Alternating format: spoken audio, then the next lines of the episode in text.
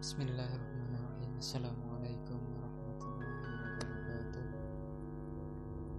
Alhamdulillahirrabbilalamin Nahmaduhu wa nasta'inu wa nasta'afiruhu Wa na'udhu billahi min sururi anfusina Wa min sayyiati a'malina Man yahdillah fala hadiyalah Wa man yahdilah fala mudhillalah Allahumma salli wa sallim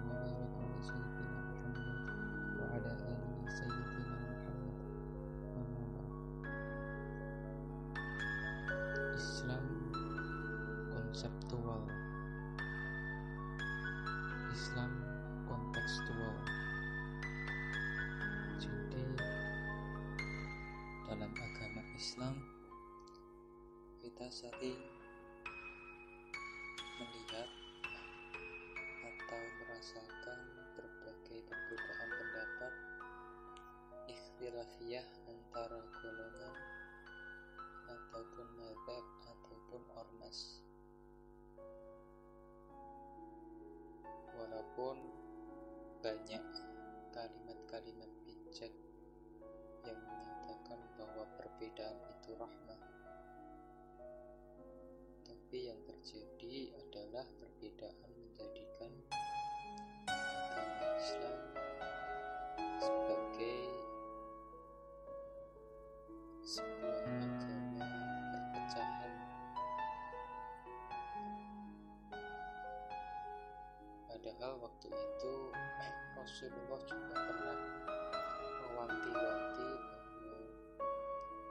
saat umatnya akan terpecah menjadi 73 golongan dan salah satu golongan yang menjadi ahlu surga adalah golongan ahlu sunnah jamaah yaitu golongan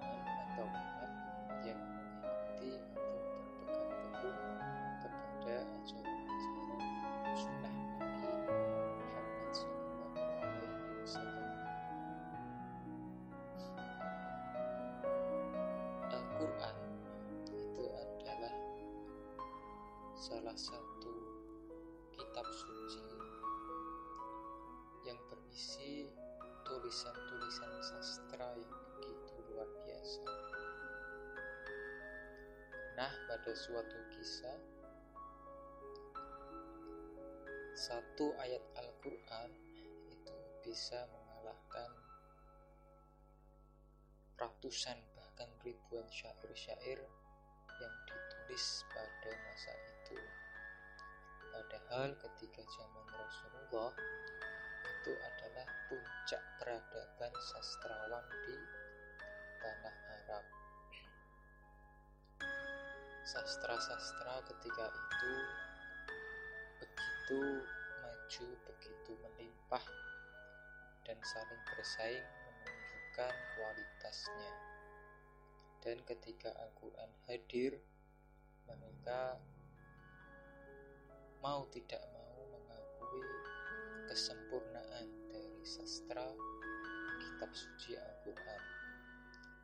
Makanya tak heran dikatakan bahwa Al-Quran merupakan kitab suci yang menyempurnakan dari kitab-kitab sebelumnya seperti Zabur, Injil, bicara tentang sastra itu berarti umat Islam atau muslimin itu harus paham tentang sastra. Nah, sastra dalam kaitannya seni itu banyak jenisnya seperti uh, puisi, novel, cerpen yang memainkan intuisi dan imajinasi dalam memahaminya. Tidak mudah untuk memahami ayat-ayat Al-Quran karena di sana banyak ditemukan bahasa-bahasa tersirat yang itu dimaksudkan atas dasar tujuan asbabul wujud maupun asbabun wujud tentang latar belakang turunnya ayat. Kebanyakan perselisihan terjadi ketika banyak umat Islam yang memahami agama dalam hal ini adalah kitab suci Al-Quran dengan pemahaman-pemahaman tekstual pemahaman tekstual itu berarti memahami teks. Itu secara kasar. Maksudnya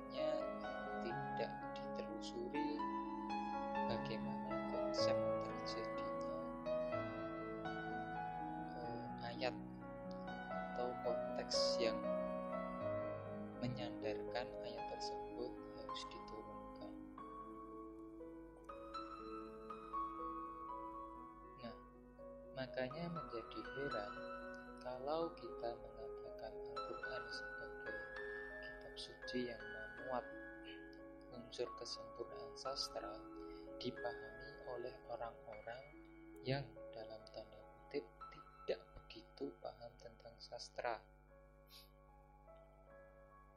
Ibarat orang-orang yang tidak menyukai puisi, kemudian bicara tafsir sebuah puisi. Bukannya tidak boleh, tapi cenderung munafik atau tidak paham tentang kemampuan diri. Makanya ketika kita bicara tentang tafsir Al-Quran, itu biasanya kita menyadarkan kepada orang-orang yang mumpuni atau paham tentang tafsir Al-Quran. Banyak kajian, terutama di pondok pesantren, di desa-desa, ataupun sekarang di media sosial yang mengkaji tentang tafsir Al-Quran. Tapi ketika kita bicara tentang tafsir, kita juga harus tahu kapasitas orang yang menafsirkan Al-Quran. Apakah dia memang seorang dalam hal ini sastrawan, sastrawan Al-Quran, atau hanya orang-orang yang butuh eksistensi untuk diakui kemampuannya dalam hal menafsirkan Al-Quran. Jika sudah menemukan kunci ataupun rumus dalam menafsirkan Al-Quran, seseorang diharapkan bisa lebih luas memahami Al-Quran, kemudian secara general memahami agama dalam sudut pandang agama yang kontekstual. Ketika seseorang sudah terbuka pikirannya, sudah banyak wawasan, maka ketika memahami agama, khususnya Islam, seseorang akan cenderung lebih toleran. Artinya, mereka akan lebih terbuka menerima perbedaan. Patut dimaklumi karena adanya ribuan mufasir yang menafsirkan Al-Quran dari berbagai sudut pandang. Kalau kita bicara tempo lalu tentang taklid, banyak hal kita mentaklidkan tafsir Al-Quran atau tafsir agama kepada salah satu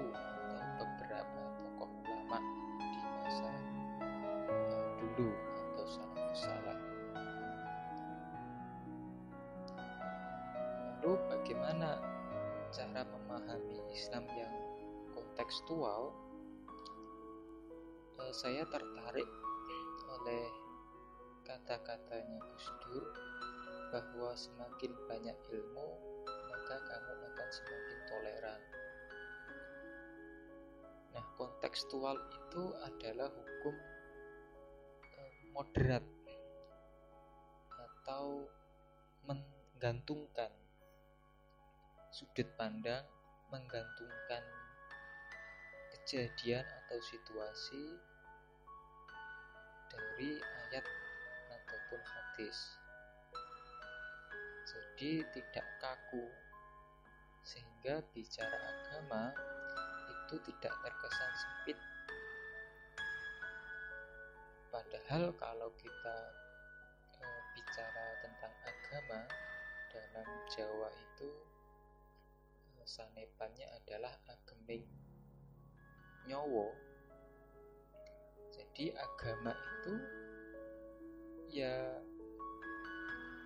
pakaian atau apa ya pegangan bagi seseorang agar dia berlaku bijaksana. Artinya agama itu seharusnya bisa membuat seseorang menjadi nyaman, menjadi bahagia, bukan sebaliknya.